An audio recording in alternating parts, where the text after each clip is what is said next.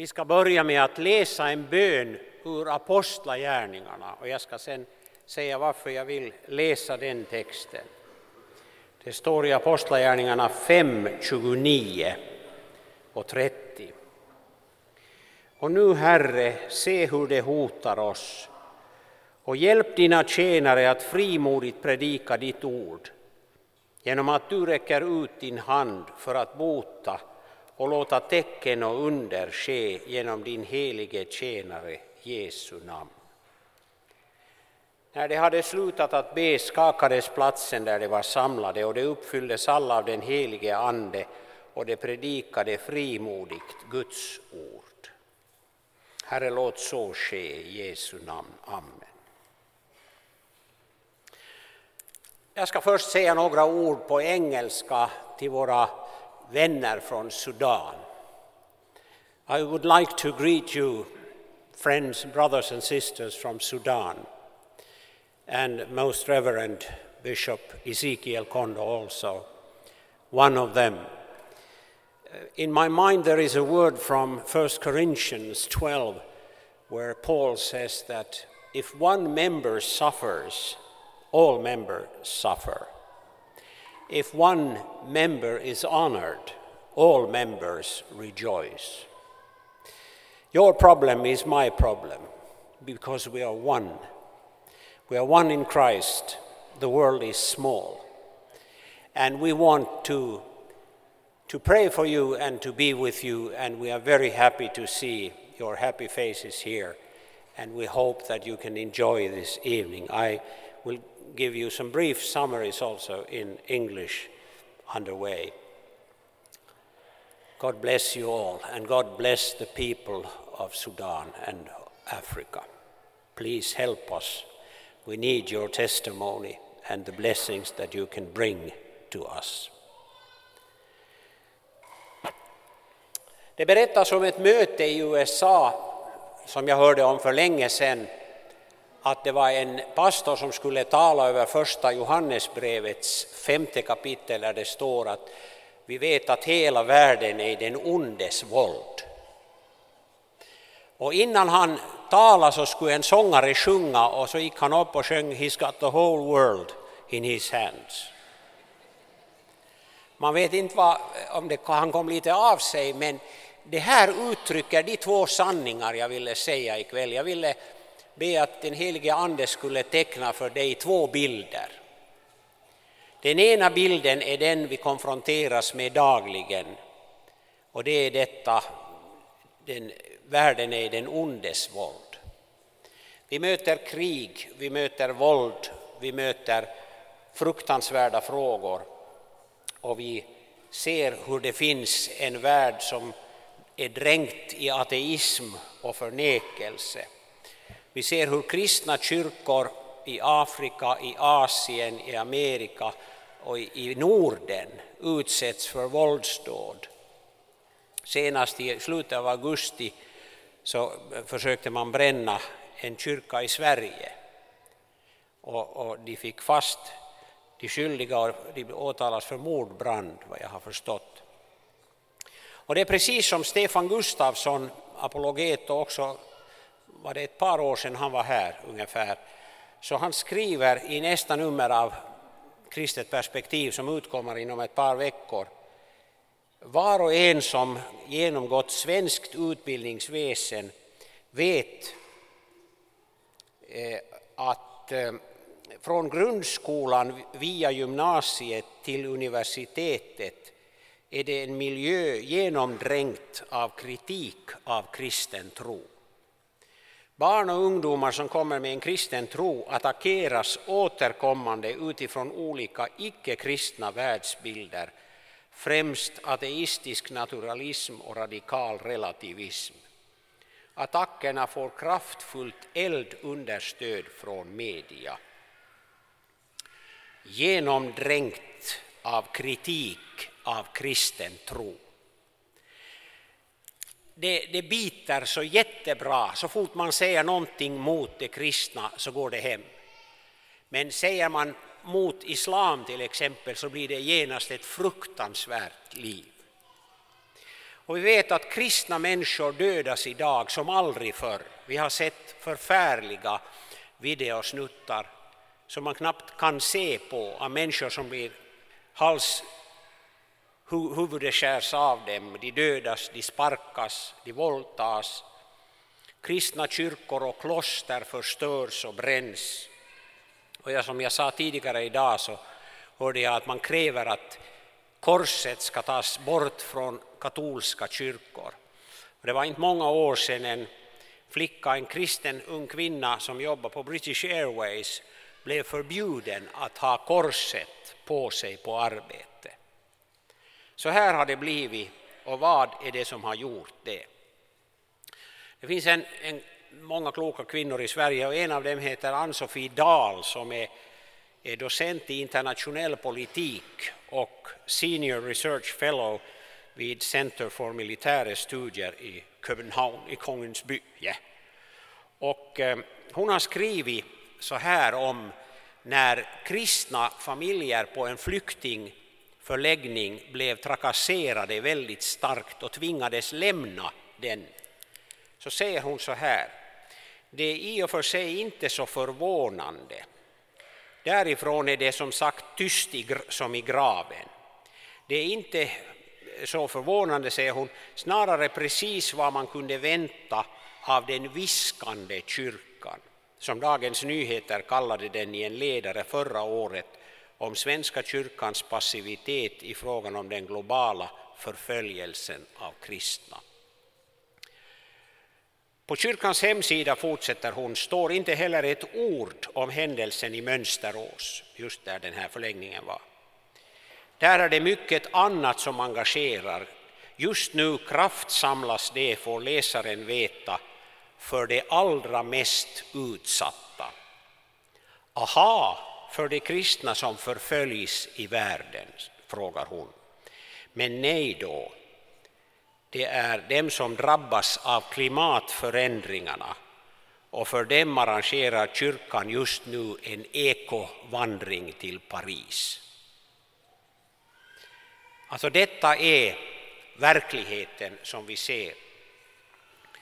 Det blev ett himla liv när eh, ett muslimskt center i Eskilstuna eh, tändes på på julen i fjol, 2014.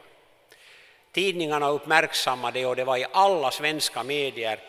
Där står till exempel ökad oro för hatbrott. Löven, eller Löfven, statsministern fördömer dåd mot moské. Säpo kopplas in och Isis hat kan drabba svenska muslimer. Det var rubrikerna. Men när Åmåls kyrka i slutet av augusti detta år utsattes för mordbrand förbegicks detta med nästan total tystnad. Vilket Dagens Nyheter ledarskribent Erik Helmersson förundrar sig över den 29 8 2015. När jag var yngre, och det var ganska länge sedan, sant Johan, så, så kommer jag ihåg att när jag besökte äldre kristna, inklusive kära vänner och släktingar och präster, och, så var de allra väldigt dystra. Och de sa att framtiden är mörk och det blir allvarliga tider. Och, och vi tror inte att det är länge kvar för den nuvarande världsordningen går under. Och det är jättesvårt och, och allt som kommer. Hela världen är i den ondes våld.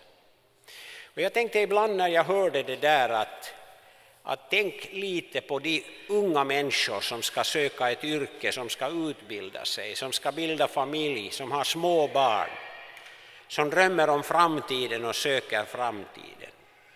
Att säga inte bara detta. Och det är den ena bilden som det är. Jag säger också precis som de, för att jag tror att du som är ung också säger att läget är allvarligt. Vi kan läsa konturerna till mycket av det som sker med Gog och Magog och Rus, med konungarna från Österns länder, med hur det drar ihop sig i Mellanöstern. Irans ledare har nyligen sagt att inom 25 år så finns inte Israel.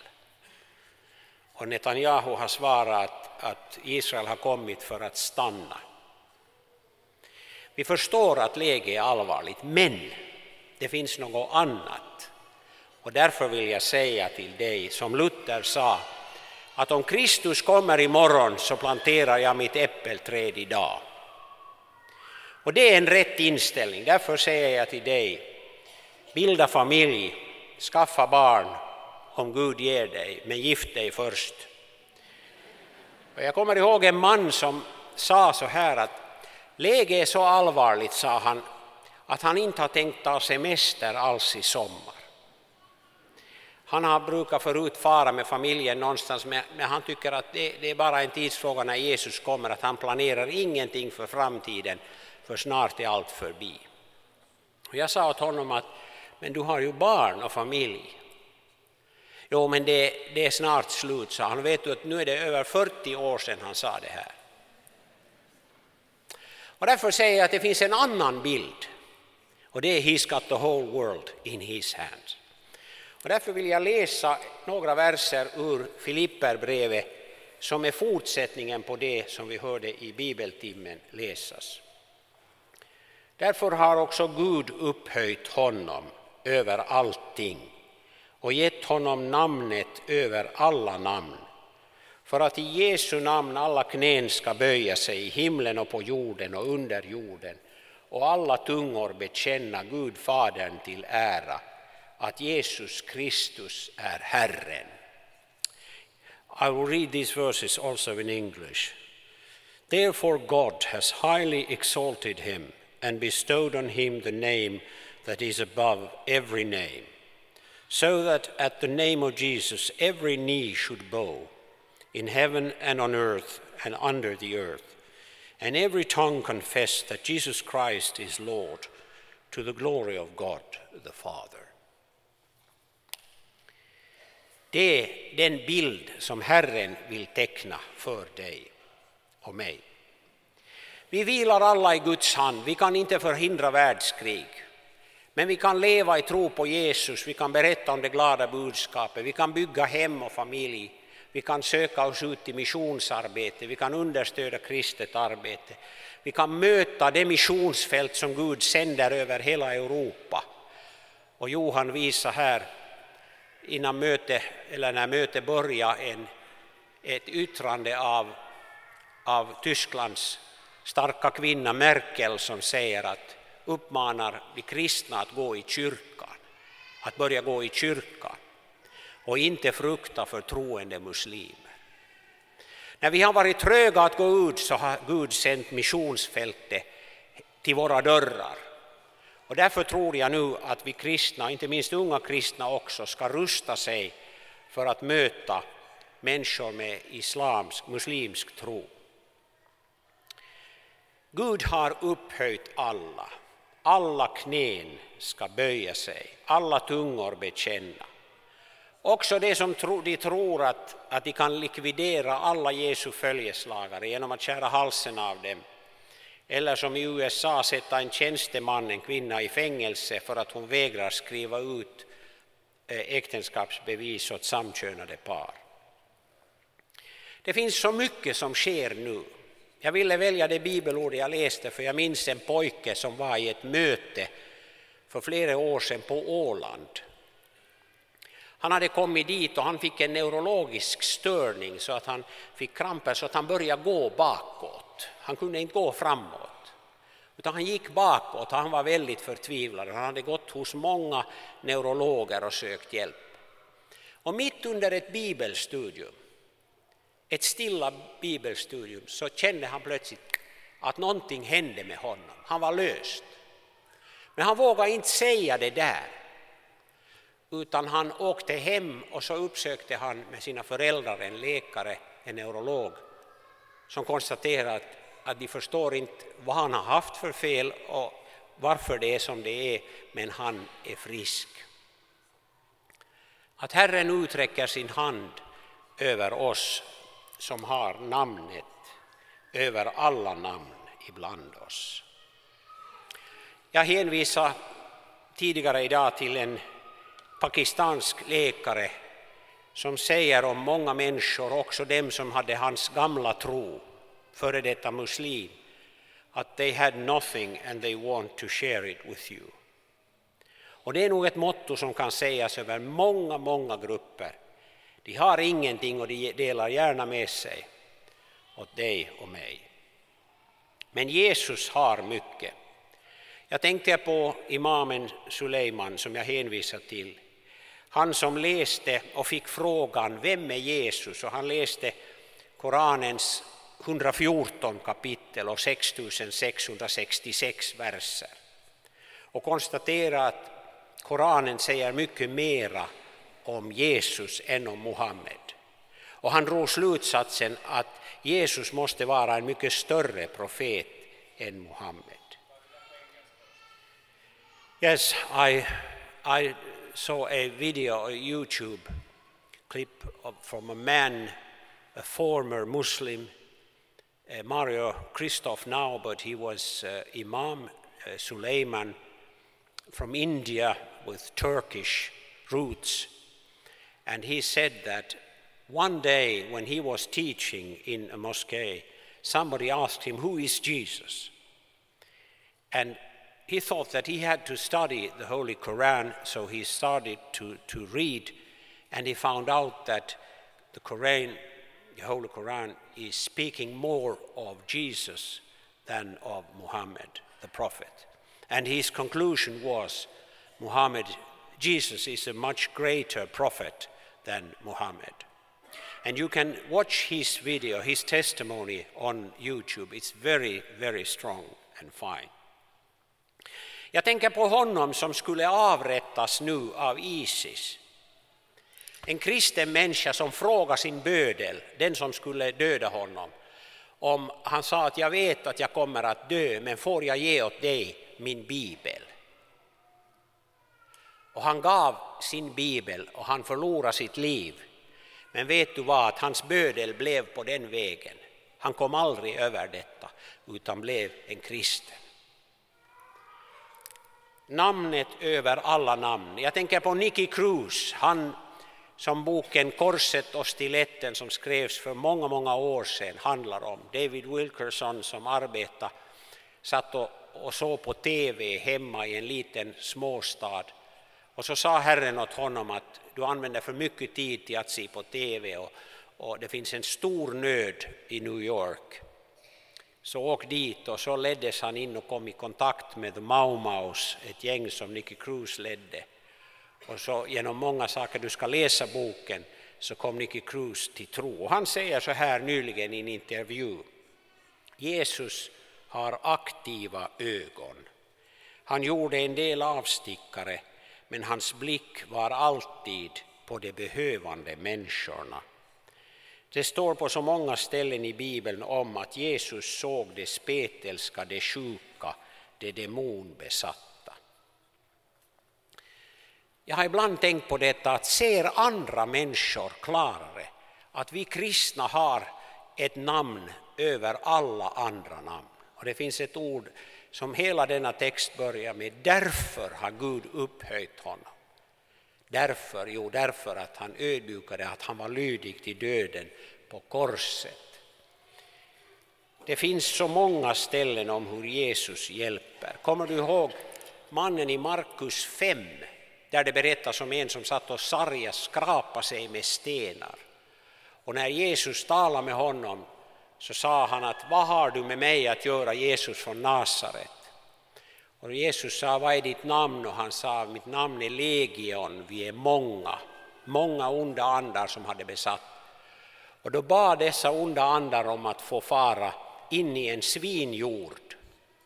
Och svinen störtade sig ner i, i sjön och, och denna man bredvid. Och så står det så fint att när folk hörde om det här och kom ut så såg de den där mannen och så står det så här enkelt, klädd och vid sina sinnen. Och jag tycker att det här är liksom på en bricka vad Jesus, vad Kristi namn innebär, välsignelser för ett folk och för enskilda människor. Skriker sargad, är sjuk, besatt, svårigheter, Människor undviker, människor är rädda, han har illa, han skadar sig själv. Och så kommer Jesus och han sitter där klädd och vid sina sinnen. Läs den här gripande skildringen. Ett namn över alla andra namn. Och psalmisten säger så fint, vem är som Herren vår Gud? Han som tronar så högt, han som ser ner så djupt. Vem i himlen och på jorden? Och det här ordet shafel så betyder bli låg eller vara låg, att ödmjuka sig, alltså samma tanke som i Filipperbrevet. Kanske här sitter någon som tycker att Gud har glömt mig, Gud ser inte. Mitt liv är så speciellt att ingen annan, allra minst någon kristen, har samma öde som jag. Och du är orolig för hur det är med dig. Vi har en Herre som har omsorg, som hjälper oss. Och den andra bilden som Erik Grönlund, en präst på, på Gotland, tror jag, ville framställa när han för många år sedan skulle översätta Markus evangeliet till nutidssvenska så, stod, så gav han rubriken Vi vann, sa Markus. Vi vann, sa Markus. Och det är detta som är den andra bilden. Vi ser våld och krig och svårigheter och vi känner ångest över det ena och det andra. Men det finns någonting som är en verklighet. Alla muslimer, alla kristna, alla ateister. Eller en som en norrman skrev till mig nyligen att, att jag har varit karismatiker och nu har jag blivit astmatiker.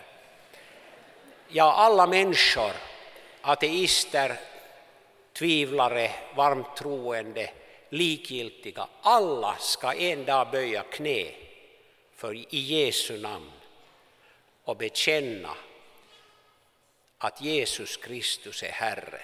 Och det ska vi få höra mera om på bibeltimmen också imorgon. Ser du det som många icke-kristna människor ser?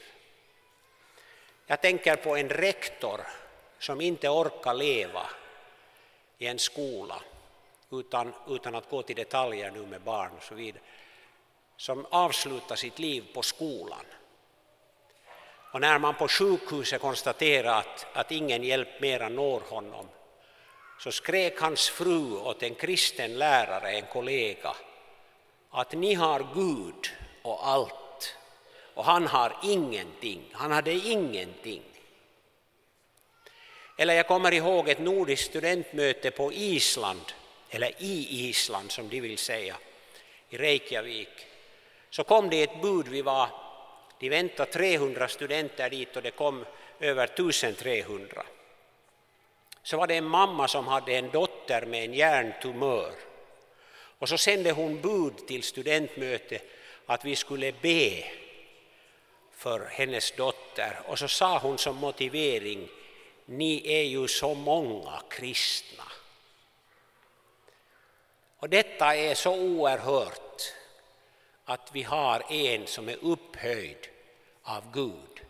En som har namnet över alla namn. En vars namn är en bön och hinner du inte och orkar du inte så kom ihåg att var och en som åkallar Herrens namn ska bli frälst som denna Mario Josef i manen. När hans far försökte döda honom så ropade han Jesus och hans far föll till marken och skadade sig och måste föras till sjukhus. Namnet över alla namn. Om du misströstar om din tro, om dina problem, om din ångest, så vet att Jesus har burit allt detta, dina sjukdomar, din verk, din oro för framtiden, din besvikelse över din svaga tro eller kanske som du tycker ibland slocknade tro. Jesus är den som tänder. Och därför finns det alltså två bilder. Den onde tycks rycka fram på många fronter. Han, han släcker elden i våra kyrkor, han gör oss likgiltiga och, och kameleontkristna. Vi är tysta och tveksamma och saltet mister sin sälta och ingenting annat är det värt än att kastas ut och trampas ner av människorna. Sådana tendenser ser vi i många sammanhang. Men vi ser också en annan bild som Jesus tecknar av att vi har vunnit seger, att detta rycker fram, att människor blir vunna för Guds rike, att folk får bönesvar, blir hjälpta, att de får erfara att hela deras liv är i Guds hand. Och därför, därför har Gud upphöjt honom och gett honom namnet över alla namn. In closing, I would like to greet you and say that there are two pictures one with violence, difficulties, horror, rape, and so forth. And it seems that God has little influence on this world. But there is another one which is more real that Jesus has won. The victory is His. And He's going to come and He is going to use people to bring the good tidings, the good news to other people so that they can believe in Jesus Christ. Because one day everyone shall bow, every knee shall bow before Jesus Christ, and every tongue shall confess that Jesus is Lord. But Jesus would like to make that happen now, that you in your heart say, Jesus, I want you to be my Lord and Savior. I want you to forgive all my sins. I want you to take care of everything, everything that I can't handle. And Jesus will help you because God has exalted him. He stays, he lives in heaven, but he sees even to the deepest, darkest valley of mistrust and hopelessness. God bless every one of us. Må Gud välsigna oss alla. Amen.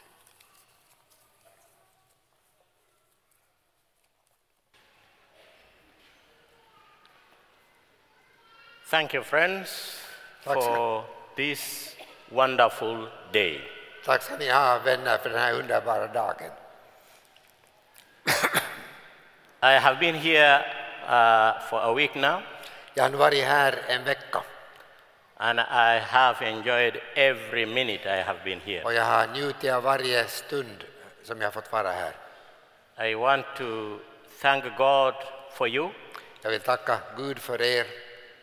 Uh, particularly, I want to thank God for uh, administration of the Evangelical Lutheran Church Och jag vill tacka eh, dem som har organiserat det här i den lutherska kyrkan and the friends of the Martyr Church och alla martyrkyrkans vänner for having invited me to come over to be with you. för att jag har blivit inbjuden att komma hit till er.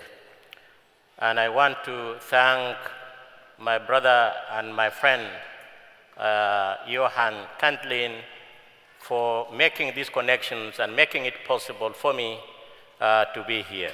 Jag vill tacka min broder och vän Johan Kandelin för att han har gjort det möjligt för mig att komma hit. I have realized that too much publicity has been done, and that is why I understand in this church this night the attendance is over 2,000. Och jag har förstått att det har varit mycket reklam för den här kvällen och jag förstår att här är över 2000 personer ikväll. I want to thank my brother uh, Abuna Henrik for uh, this message we have heard this evening, Jag vill tacka broder Henrik för det budskap som vi har hört ikväll. which is uh, very challenging and very relevant for our situation in Sudan. Det är en utmaning och det är mycket aktuellt med tanke på situationen i Sudan. This is my very first time for Finland. Det här är första gången jag besöker Finland I, when I came, I felt a little bit cold, och jag förstod att här är lite kallt. but I thank God since I arrived here in Kokola, the sunshine has been on, and I think it has been very special for me. Och jag tackar Gud för att det har varit solsken här i Karleby och, och det har varit väldigt fint.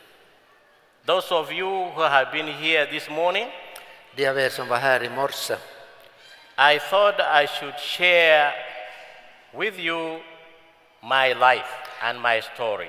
Jag tänkte att jag skulle dela med er eh, hur mitt liv har varit, min berättelse. Uh, this uh, morning I talked about the situation in the Sudan and South Sudan. Eh, Jag berättade på förmiddagen om situationen i Sudan och södra Sudan what uh, God is doing in the Church of Sudan. och vad Gud håller på att göra där i Sudans kyrka. But this uh, time I would like to share with you my story. Men nu på kvällen så vill jag dela med er min egen berättelse, mitt eget How vittnesbörd. God has called me to serve Him in His church. Hur Gud har kallat mig att tjäna i hans kyrka. And I want to thank all of you for coming. Some of you have been travel, traveling from long distance to be here. Och jag vill tacka för er alla som har kommit hit. Somliga av er har kommit långa vägar. Not only as adults, but you have been able to bring along your families. Och ni har inte bara kommit, ni vuxna, utan ni har tagit era familjer med er. And uh, particularly, I want to thank uh, my Sudanese friends who have uh, come to support me in this. Och jag vill speciellt också tacka mina sudanesiska vänner som har kommit hit för att stödja mig. My names are Ezekiel Kondo, as you heard. Ni hörde mitt namn är Ezekiel Kondo. Uh, I'm married to one wife, Jag har en fru and God has blessed us with five children. och Gud har välsignat oss och vi har fem barn. Ages 32, uh, 27, 25, 19, and 15. Eh, De här barnen är från 32, 29, 27, eh, 19 och 17 tror jag. And, uh, and we have uh, two grandchildren. You have two grandchildren. Vi har två små barnbarn. Um, I was born in a small village uh, in Nuba Mountains, a village called Karam in Nuba Mountains. Jag föddes i en liten by i Jubabergen. I do not know exactly when I was born. Jag vet That inte exakt när det skedde. But uh, uh, I was born uh, from a father and mother, the names uh, uh, Kondo and Kaka. Sorry. Kondo and Kaka. Kondo and Kata. That is the, my parents' names. Det är föräldrarnas namn alltså. Uh, I grew up there in the village, Jag växte upp där i byn and uh, I, I used to look after cattle, uh, Oh, yeah. cows, Yeah. and goats. Jag vaktade boskapen, både kor och getter. My father and mother were, uh, uh, were farmers. Min far och mor de var eh, jordbrukare, bönder. In, in our village and in our tribe, we have a traditional fighting called a pua. I vår by har vi en sån traditionell eh, kamp. And uh, this traditional fighting is uh, very uh, important for the young people Och den här kampen är mycket viktig, speciellt för unga människor. because in this process, somebody has to be uh, strong and to be famous in this uh, fighting. Och det gäller då för någon att, att man ska vara väldigt stark och, och bli mycket berömd. My father was one of those whom people respected because he was strong and he was famous in this fighting. Min pappa respekterades därför att han var stark och han hade vunnit i den här kampen. This fighting is like a, maybe like a, a football now or, or tennis or whatever, but it, it may be dangerous. Det här är kanske någonting i stil med fotboll eller tennis, men det kan vara mycket farligt. If you are not careful, you may lose your eyes. Om man inte är försiktig kan man förlora synen. Uh, and so my father wanted me to be, to become like him.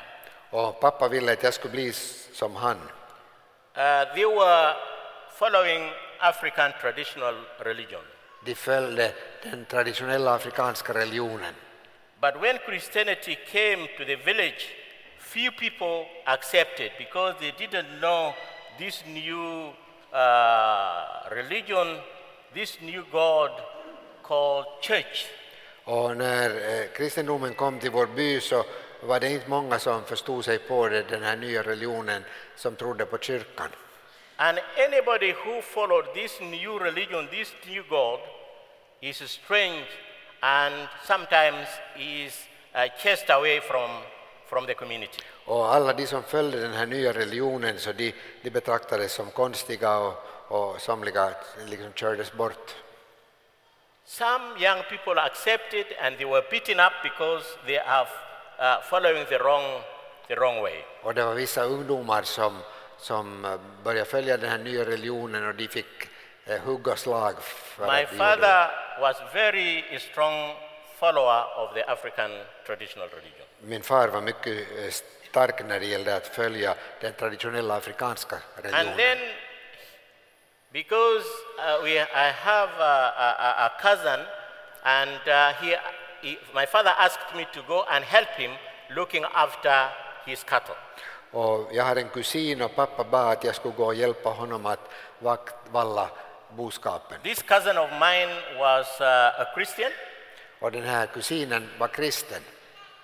One time I went to see my father, then he asked me, I hope my son, you are not following what your cousin is doing, because that is a wrong, is an evil uh, religion that your cousin is, is following. Och dag kallade pappa på mig och han sa att jag hoppas att du inte följer din kusins exempel för att det är en ond och dålig religion.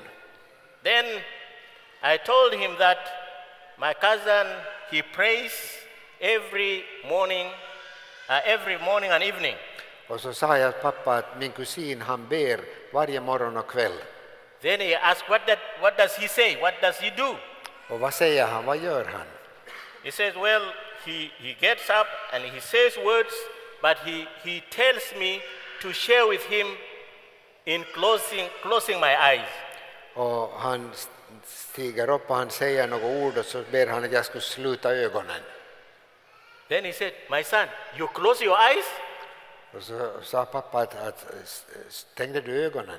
Then I said, yes. Sa jo, He said, let me tell you, låt mig säga, this is very dangerous. det här är mycket farligt.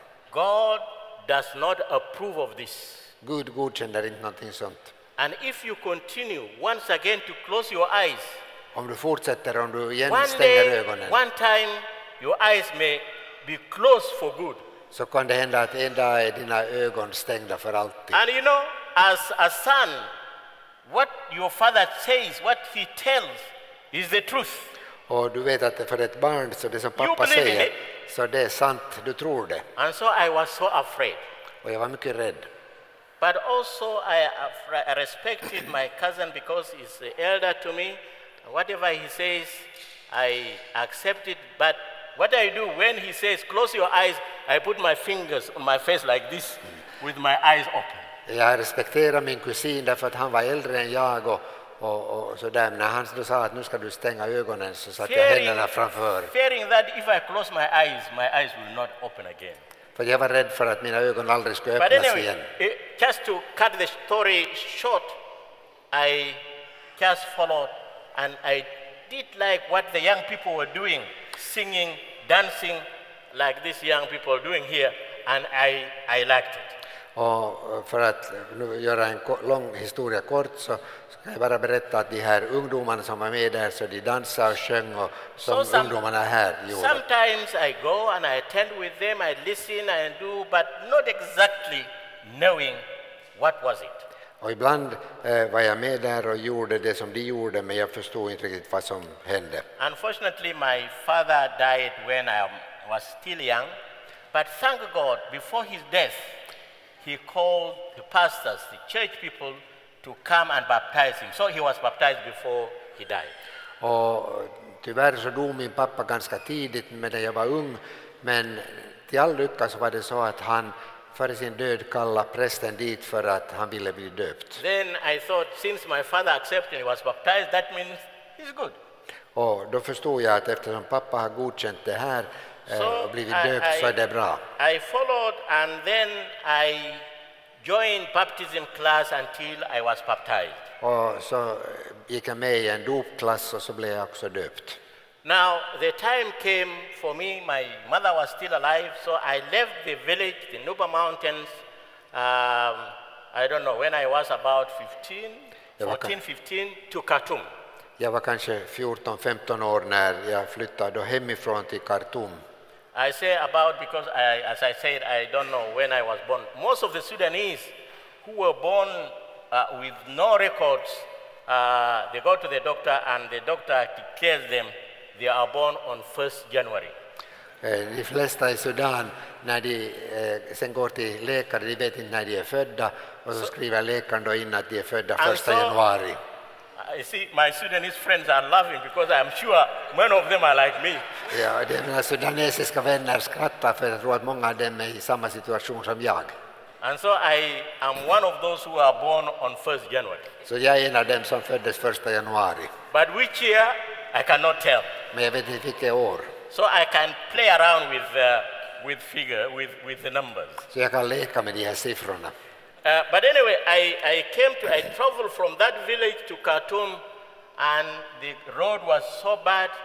We traveled on a lorry, this on the back of the lorry, uh, for, I remember, for seven days.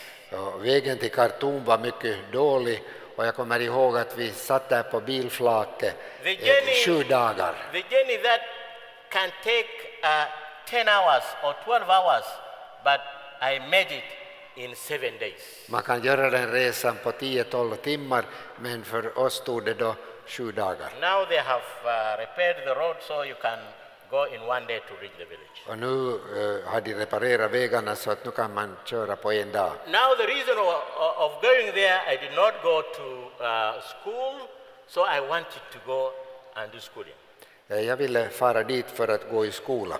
But I already learned how to uh, uh, read in my own mother tongue. Jag hade lärt mig redan att läsa And one-. One of the verses that really now convert my heart, and instead of following the young people without knowing exactly, was John 14, uh, 6.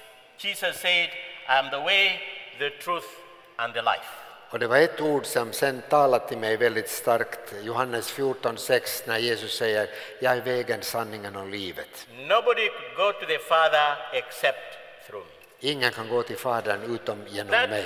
That was the uh, passage and the verse that uh, converted me, and at that time I knew that Jesus is my Lord, is my Savior. Det var det ordet som fick mig att bli omvänd och jag visste att Jesus är min Herre och min So frälsare. coming to Khartoum, uh, because there was nobody supporting me, so I was working as well as going to school in the afternoon. Eh, Jag kom till Khartoum och jag hade ingen som stödde mig ekonomiskt så jag arbetade och samtidigt gick jag till skola på, i skola på So eftermiddagarna. I continue, I continue until uh, secondary uh, education. Och jag har fortsatt på det här sättet ända till eh, högstadiet. But then I was so active in the church, uh, particularly with youth work. Men då hade jag blivit så aktiv i kyrkans arbete och speciellt bland ungdomen.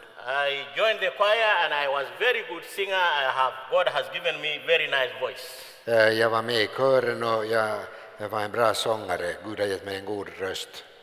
I continued, but then there was a, a, a plan that they need somebody to go for theological training in order to be evangelist and then maybe a pastor. Men då hade kyrkan en plan, en tanke att någon borde eh, fara få utbildning för att kunna bli evangelist och sedan också präst. The committee and the church decided that I should be one of these young people who could go and do the studies in the Bible.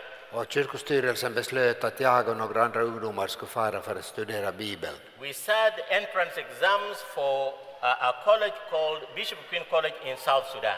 Och vi var där i södra Sudan i ett college. I passed, so I was accepted and I went to do studies. Och jag klarade inträdesprovet och jag började studera. I already married, so I went myself alone and then my wife joined me uh, a year later. Eh, Jag var redan gift vid den tiden och jag, eh, första året var jag där ensam, sedan kom min fru med. When I finished, I came back and I was posted in the cathedral as a lay uh, person uh, learning from uh, the provost then as the father of Daniel. Is Daniel here? Daniel Ephraim? He's here. Can you stand up? Yeah, that is uh, the son, the father of, of this boy, who was then the, uh, the provost of that cathedral. I was there working with him and I learned from him. Jag Thank you. Arbetar där i, i en församling i katedralen eh, under, under kyrkoherden och det är hans son som är här. So then I was ordained as så blev jag and prästvigd. priest.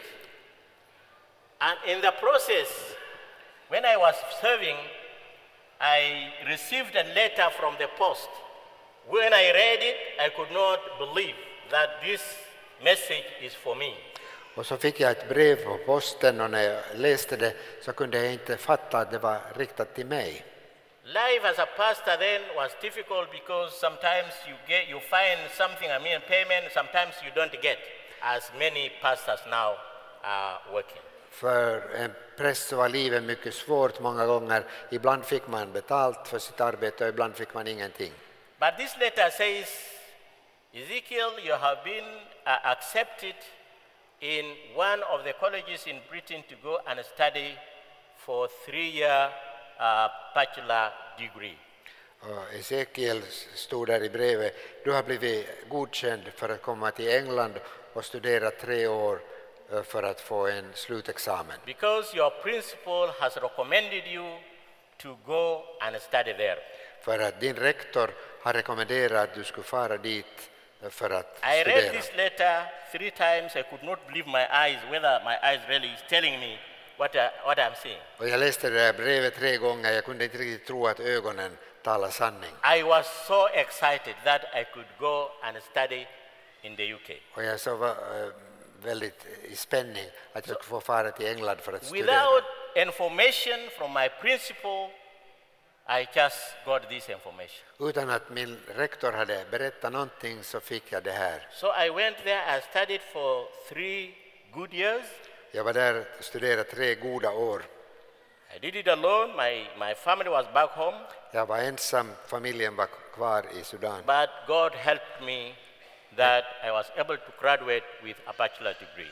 Men Gud hjälpte mig, jag kunde sluta med en magistersexamen. I went back. Och jag for tillbaka.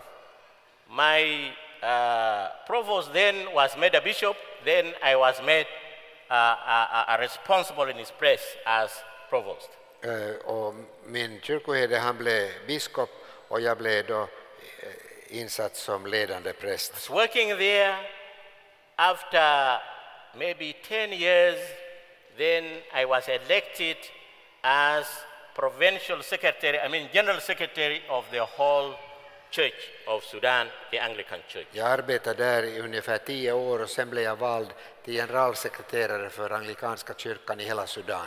in fact i was the first person from north part of sudan to hold uh, this position Jag var den första från norra Sudan som fick den här ställningen. anyway i worked for another seven years Så as provincial secretary sju år som sekreterare And then I was called back to become the bishop of Khartoum. och sen kallades jag tillbaka för att bli biskop i Khartoum.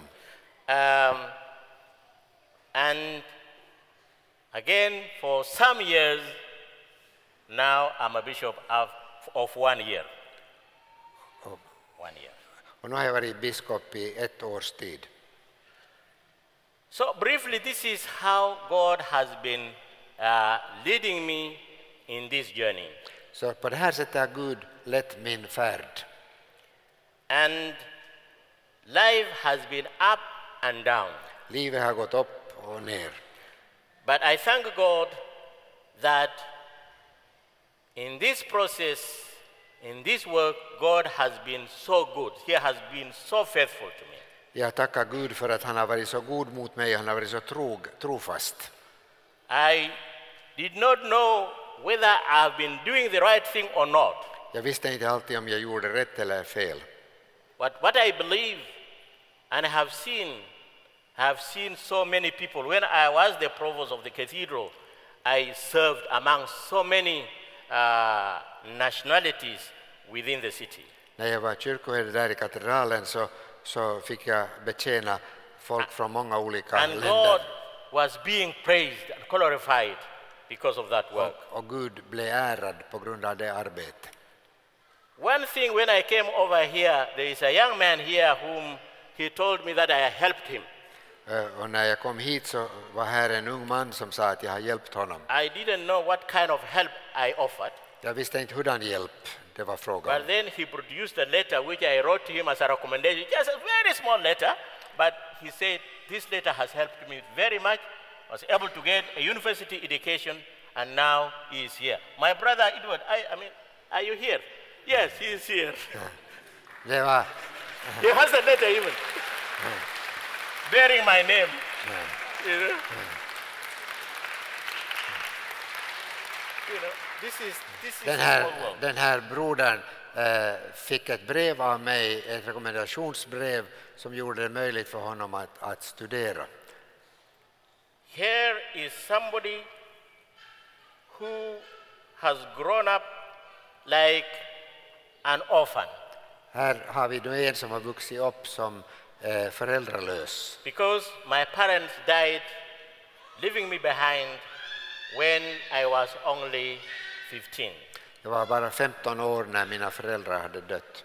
They have never supported me in schooling, De har aldrig understött mig och min skolgång. but I have three sisters.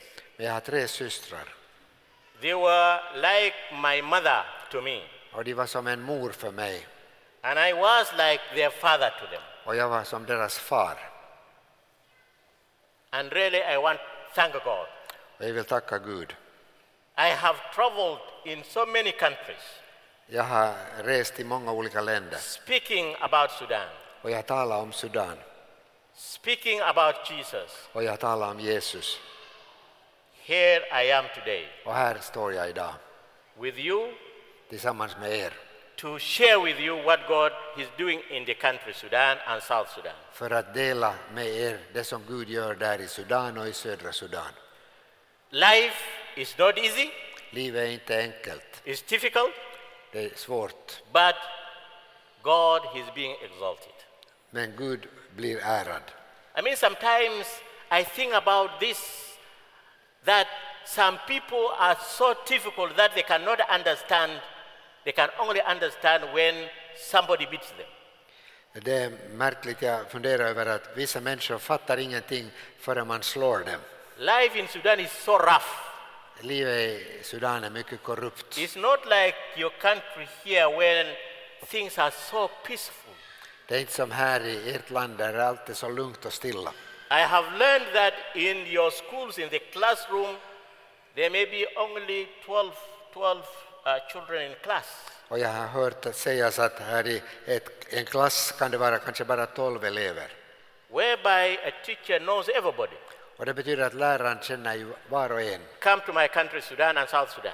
Kom till mitt land, Sudan och södra Sudan. A class, sometimes you will find children, one class, 50, sometimes over 50. Ibland kan man i en enda klass där påträffa 50 eller till och med över 50 And elever. very tight. Och det är mycket packat. You can see the life, how people grow. They grow with very rough attitude in their minds. Människor växer upp med mycket eh, tuffa, tuff inställning till livet. Violence is there. Där har vi våld. That is why we have been living in the war for the last over 50 years. Och därför har vi haft krig i vårt land i över 50 år. But I believe that God has called us in this difficult time to make difference. Men jag tror att Gud har kallat oss under de här svåra tiderna att, vi skulle, att vi betyda att det blir annorlunda för människor i deras liv. And I believe that what is happening in South Sudan and Sudan one day, one time, it will come an end. Och jag tror att det kommer att ske eh, både i sö- södra Sudan och i Sudan. I'm al- always reminded of the story in the Old Testament, the Exodus, and the life of the Israelites when they suffered in the hands of Egyptians in Egypt. Och jag brukar ofta tänka på eh, Andra Mosebokens berättelse om Israels folk i fångenskap i Egypten, hur farao behandlade dem illa. There they suffered so much, De måste lida mycket. but the Bible tells us that God heard their cry. Men Bibeln säger att Gud hörde deras rop. He saw their sorrows, Han såg deras sorg and he was so concerned about their suffering. och han var eh, upptagen att, att tänka på deras lidande. And so he decided to come down to rescue them, Och därför to beslöt han, them, to get them out och därför beslöt han att komma affliction. ner för att hjälpa dem, för att föra ut dem ur de här plågorna. He did. Och han gjorde det. And he led them out. Han ledde ut dem. He was with them through the clouds, through the light. Han var tillsammans med dem genom He molnstoden. provided them with food and water. Han gav åt dem mat och dryck. This is what I believe that what people are going through in Sudan and South Sudan one day will come to an end. Och det är därför jag tror att det som människor i Sudan och södra Sudan genomlider just nu, det But kommer may, dag att ta not, slut. it may not happen just like that. Somebody, someone, somewhere has to do something about it. Men det kommer inte så där av sig själv utan någon någonstans måste göra någonting. God in the past used Moses to do that. Gud använde Moses den gången. I would like to uh, say that you may be our Moses of Jag skulle today. vilja säga så här att kanske är du vår Moses idag. You may be our Moses to tell others, to tell people, to tell the international community to come to our rescue. Eh, Kanske du är Moses som ska säga åt det internationella samfundet att, att Så nu ska that- de komma och hjälpa oss. so that people may have freedom to choose whatever kind of religion they want to believe in. Så att människor ska få frihet att välja sin religion. So that people may move freely without any problem. Så att människor kan röra sig utan svårigheter. I want to thank you on behalf of the, of the church in Sudan for accepting our Sudanese people here in this land. På Sudankyrkans vägnar vill jag tacka er för att ni har tagit emot människor från Sudan här i ert land. They have come here because life has been tough. De har kommit hit därför att livet har varit för svårt. Life has been difficult. Livet har varit svårt. And that is why they have come here. Därför har de kommit hit. You have accepted them. Och ni har tagit emot dem. They are one of you. De är en av er. And this, I have seen it, I have experienced it for the last seven days I have been here. Och jag har sett det och jag har upplevt det under de senaste sju dagarna. In jag har varit Sudan, I have a small car which I drive myself, but since I arrived here, I have been driven by other people, even by my friend uh, Candlin, who has been so kind, driving me all over the place. I Sudan har jag en liten bil som jag kör själv, men här har jag fått åka med många olika bilar och min vän Johan har kört I mig. have been accommodated in so beautiful place which I have not been before. Och jag har fått eh, övernatta i fina eh, ställen där jag aldrig har varit And I tidigare. have eaten the most delicious food and so wonderful things I Och jag, have been jag har taken. fått äta mycket härlig, god mat. So friends, continue to pray for us. Kära vänner, fortsätt att be för oss Continue to speak on our behalf och fortsätt att tala till förmån för oss. because you are our Moses. You are, Moses. I'm sorry. Ah, ni är alla vår Mose. So this is my story. Det här är min berättelse. In fact, I have written a small book of my story, of my life background, and I'm yet to be published, and I hope one day it will come out.